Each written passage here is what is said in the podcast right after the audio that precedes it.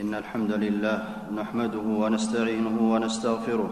ونعوذ بالله من شرور انفسنا ومن سيئات اعمالنا من يهده الله فلا مضل له ومن يضلل فلا هادي له واشهد ان لا اله الا الله وحده لا شريك له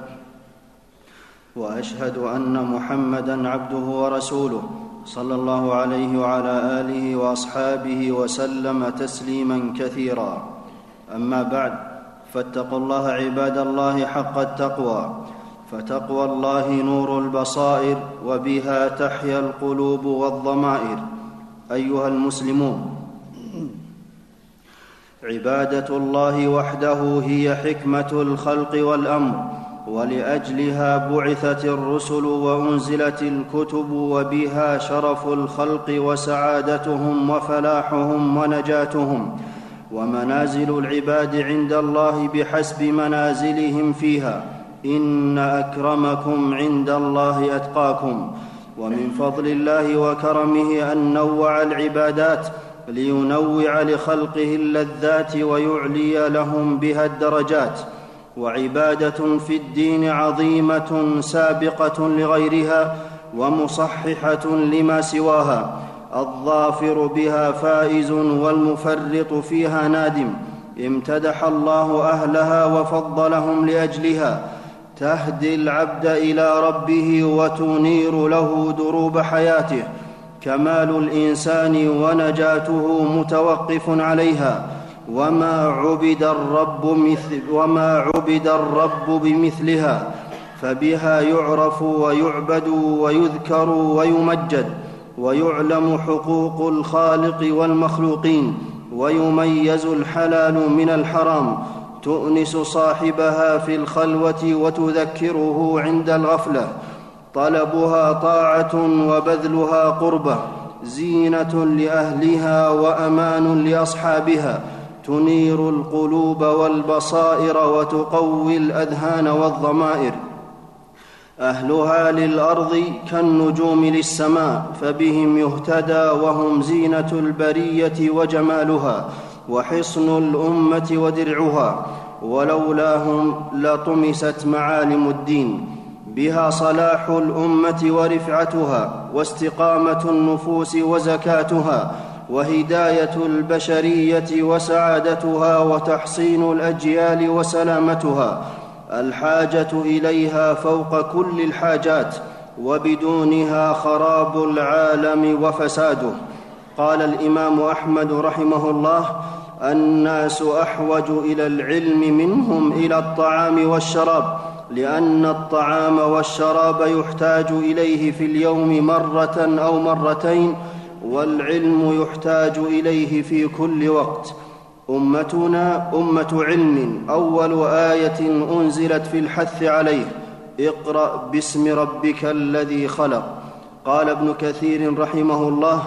فاول شيء نزل من القران هذه الايات الكريمات المباركات وهن اول رحمه رحم الله بها العباد واول نعمه انعم الله بها عليهم سمى الله ذاته بالعليم ووصف نفسه بالعلم وتعرف الى خلقه به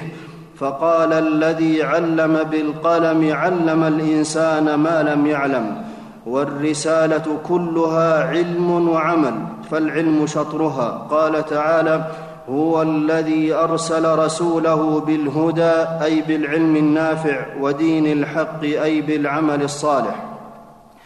لا شيء اطيب للعبد واصلح لقلبه من محبه الله ولا سبيل الى ذلك الا بالعلم هو الحكمه التي يؤتيها الله من يشاء من عباده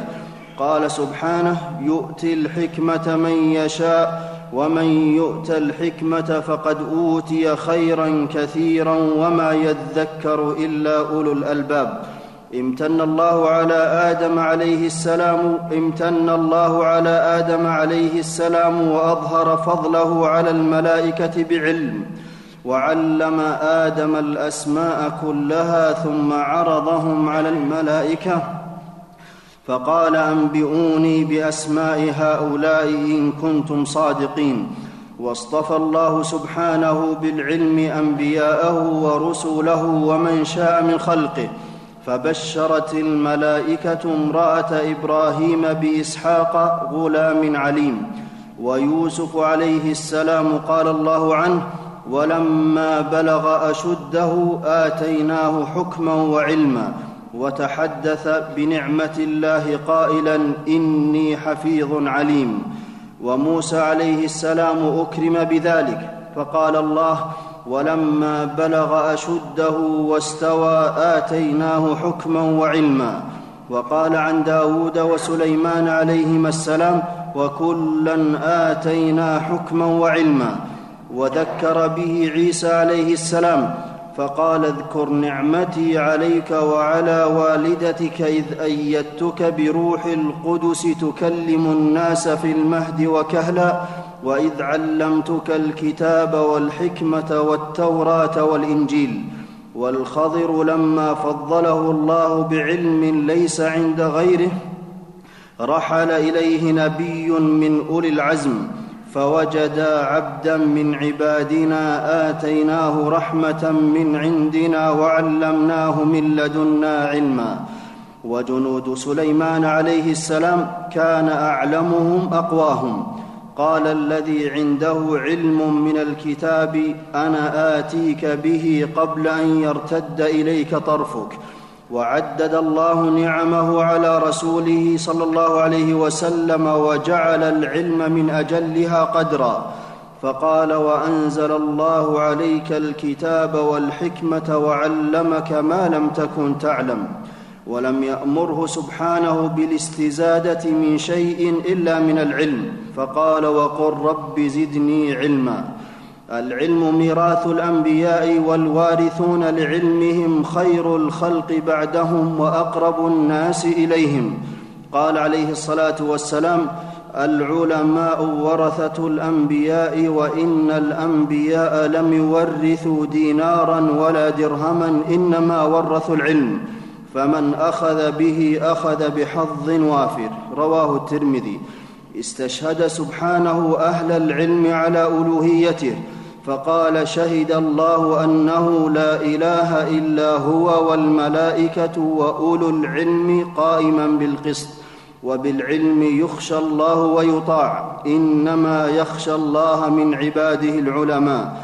قال الزهري رحمه الله ما عبد الله بمثل العلم نيله خير وفلاح من يرد الله به خيرا يفقهه في الدين متفق عليه وخيار الناس اعلمهم قال عليه الصلاه والسلام خيارهم في الجاهليه خيارهم في الاسلام اذا فقهوا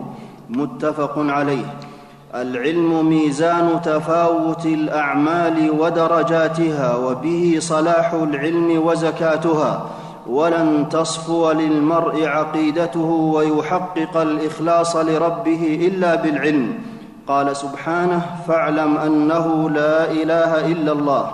فبدا بالعلم قبل القول والعمل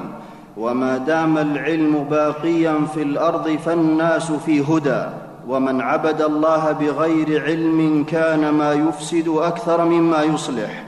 وما فشى الشرك والبدعه الا لقله العلم والبعد عن اهله والضلال ثمار الجهل ولذا امرنا الله بالاستعاذه من طريق اهل الضلال في كل ركعه من صلاتنا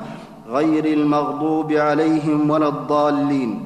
والله نفى التسويه بين اهل العلم وغيرهم فلا يستوون كما لا يستوي الحي والميت والاعمى والبصير قال سبحانه قل هل يستوي الذين يعلمون والذين لا يعلمون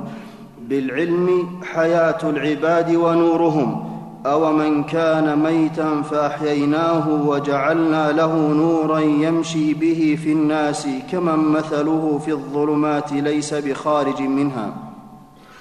وحسن السمت والفقه في الدين من اخص صفات المؤمنين فصدورهم مستنيره بالعلم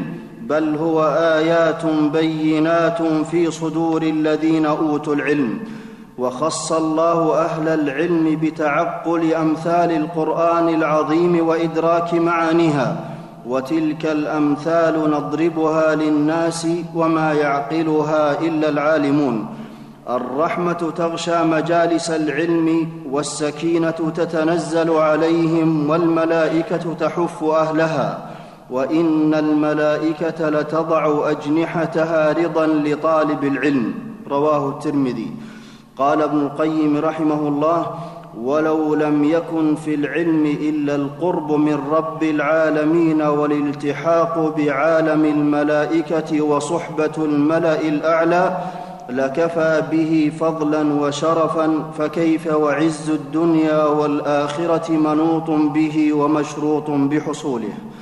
اهل العلم بالله وبامره ونهيه هم للامه خير قدوه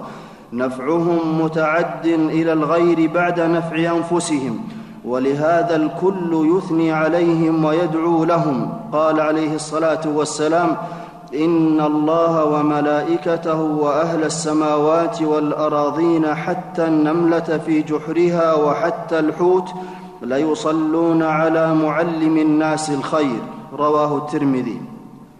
السعي في تحصيله من العمل في سبيل الله قال ابو الدرداء رضي الله عنه من راى الغدو والرواح الى العلم ليس بجهاد فقد نقص في عقله ورايه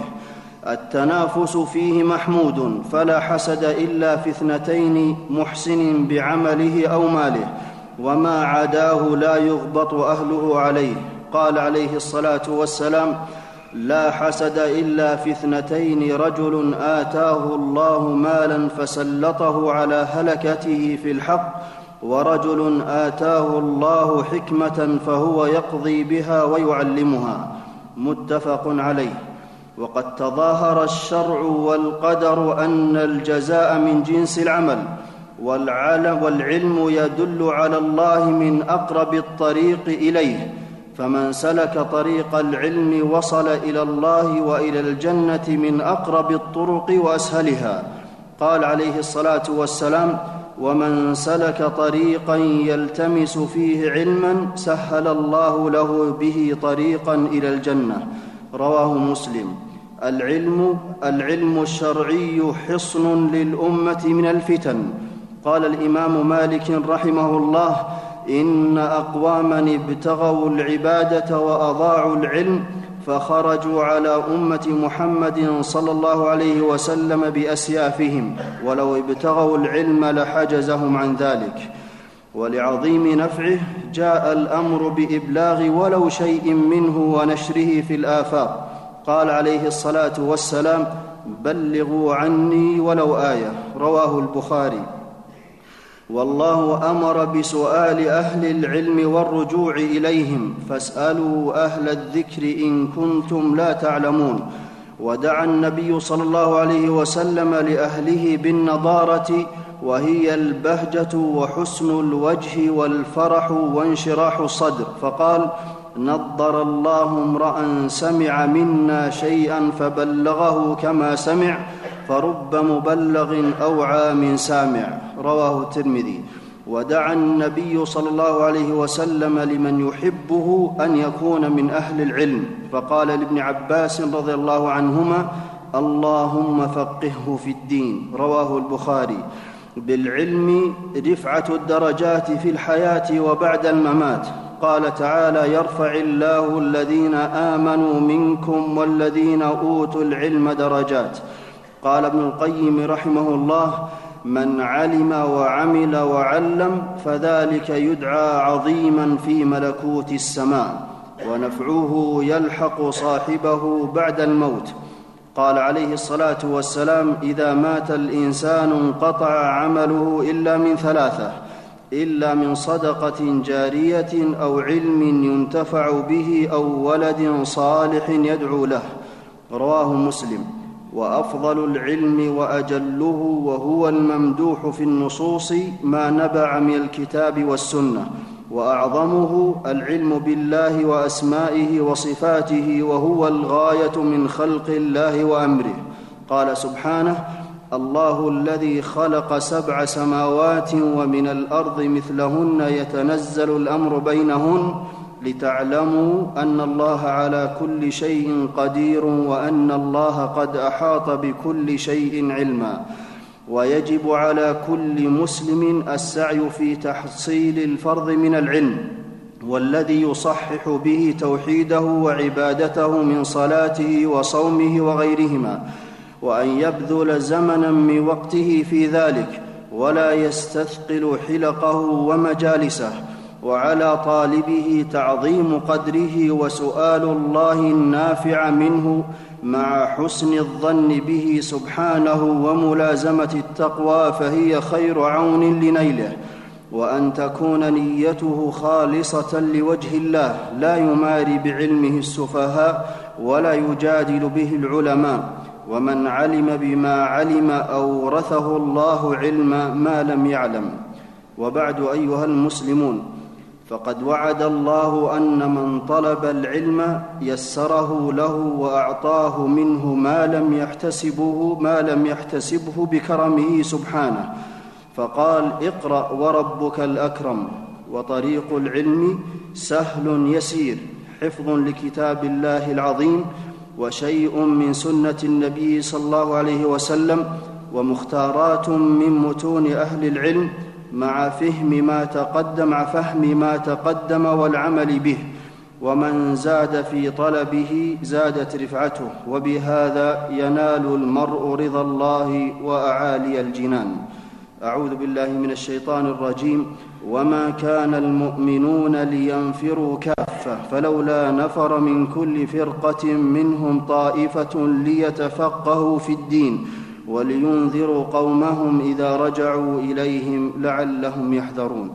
بارك الله لي ولكم في القران العظيم ونفعني الله واياكم بما فيه من الايات والذكر الحكيم اقول قولي هذا واستغفر الله لي ولكم ولجميع المسلمين من كل ذنب فاستغفروه انه هو الغفور الرحيم